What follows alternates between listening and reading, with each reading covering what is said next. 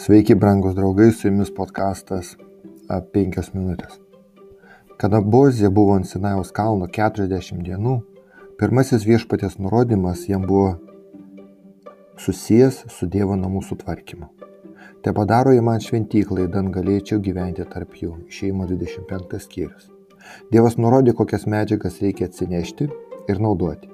Auksas, sidabro, varį, vilno, drobė, avikailiai, oda, akacijos mediena, aliejų, aromatinės medžiagas, lazuritą ir brangakmenis. Išėjimo 25 skyrius nuo 1 iki 7 eilutės. Dievas taip pat nurodė, kokią tvarką padaryti šventyklą. Pirmiausia, reikėjo padaryti sandros skrynę, tada stalą ir žvakinę. Tik po to buvo įrengta pati padangtė arba šventykla. Po to žalvarinis aukų aukuras, skirtas deginamąją aukai, kiemas ir kunigo drabužiai. Tada auksinis aukuras smilkalams, vario praustuvas ir pačiame gale kvapnus aliejai ir, smilka, ir smilkalai altoriai. Viešpas taip pat paskyrė konkrečius žmonės dirbti šventykloje. Jis pasakė Mozijai. Štai vardu pašaukiau Hūro sūnaus Ūrio sūnų Batsalelį iš judo giminės, pripildžiau jį dieviškosios dvasios išminties, proto, pažinimo ir sugebėjimo.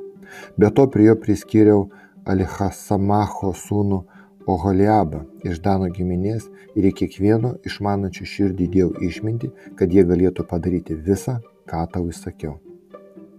Ten pat išeimo 25 skyriuje. Reikėjo tiksliai vykdyti viešpatės išsakytus nurodymus. Tai buvo atsakingas ir rimtas darbas. Taigi antrų metų pirmą mėnesį pirmą dieną buvo pastatyta padangtė. Išėjimo 40 skyrių 17 eilutė. Nuo šiol debesų ir ugnies tulpas buvo virš padangties, kuri buvo pačiame izraelitų stovyklos centre. Iki karaliaus laikų, Saliamono laikų, kada ant Morijos kalno buvo pastatyta Jeruzalės šventikla, kuri pakeitė padangtę, būtent padangtė maždaug penkis amžius tarnavo kaip šventikla. Tokiu kabutėse matomu būdu Dievas gyveno tarp savo žmonių. Padangtė, o po to Jeruzalės šventikla buvo pagrindinės Izraelio garbinimo vietos. Per penkias minutės sunku atskleisti visus šventyklos tarnavimo aspektus, tačiau norėčiau atkreipti jūsų dėmesį į du šventyklos aspektus - atleidimą ir prieimimą. Dievas gyvenamas tarp savo tautos patvirtino tą patį pažadą, kurį jis davė Ievai Edinė. Išgelbėtojas ateis, jis tikrai bus. Juk šventyklos tarnystė išsprendė atgalaučių nusidėlį, kuris už savo nuodėmę paukojo nekaltą gyvūną problemą, nurodydamas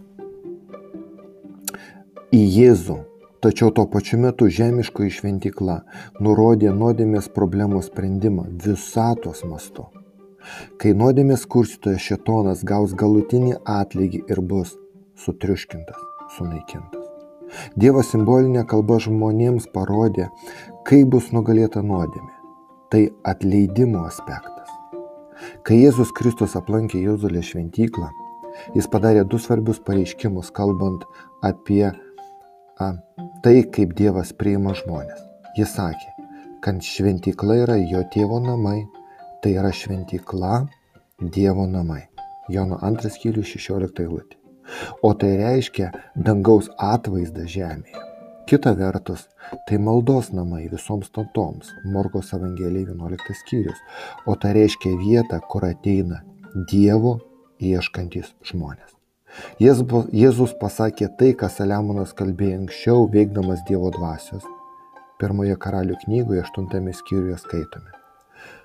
Panašiai, kai svetimtautis, nepriklausantis tavo tautų Izraeliui, ateis iš tolimos šalies dėl tavo vardo, išgirdęs apie tavo didįjį vardą, galingą ranką ir ištiestą ranką, ir melisis šiuose namuose. Išklausyk savo dangaus buveinį ir suteik visą, ko svetimtautis tavęs prašo tai visos žemės tautos pažins tavo vardą ir garbins tave, kaip daro tavo tauta Izraelis ir pripažins, kad tavo vardu vadinami namai, kuriuos pastačiau. Mirusio ir prisikėlus Jėzui nebereikėjo aukoti gyvūnų. Hebrajams 9 skyriuje parašyta, mat Kristus įžengė ne į rankų darbo šventovę, tikrosios atvaizdą, bet į patį dangų, kad nuo dabar mūsų užtartų stovėdamais priešais Dievo veidą. Tuo pačiu metu Dangus kaip Dievo buveinė, į kurią pirmiausia ir kreipė padangti, o paskui Jeruzalės šventykla lieka atvira mūsų maldoms. Ir jei mes maldoje kreipiamės į Dievą, tai yra širdimi, jis ją išgirsta iš savo šventyklos ir atsako. O galingiausias Dievo atsakymas į mūsų maldą yra ir tai, kad jis mus priima kaip savo išteisintus vaikus. Su jumis buvo podkastas 5 minutės.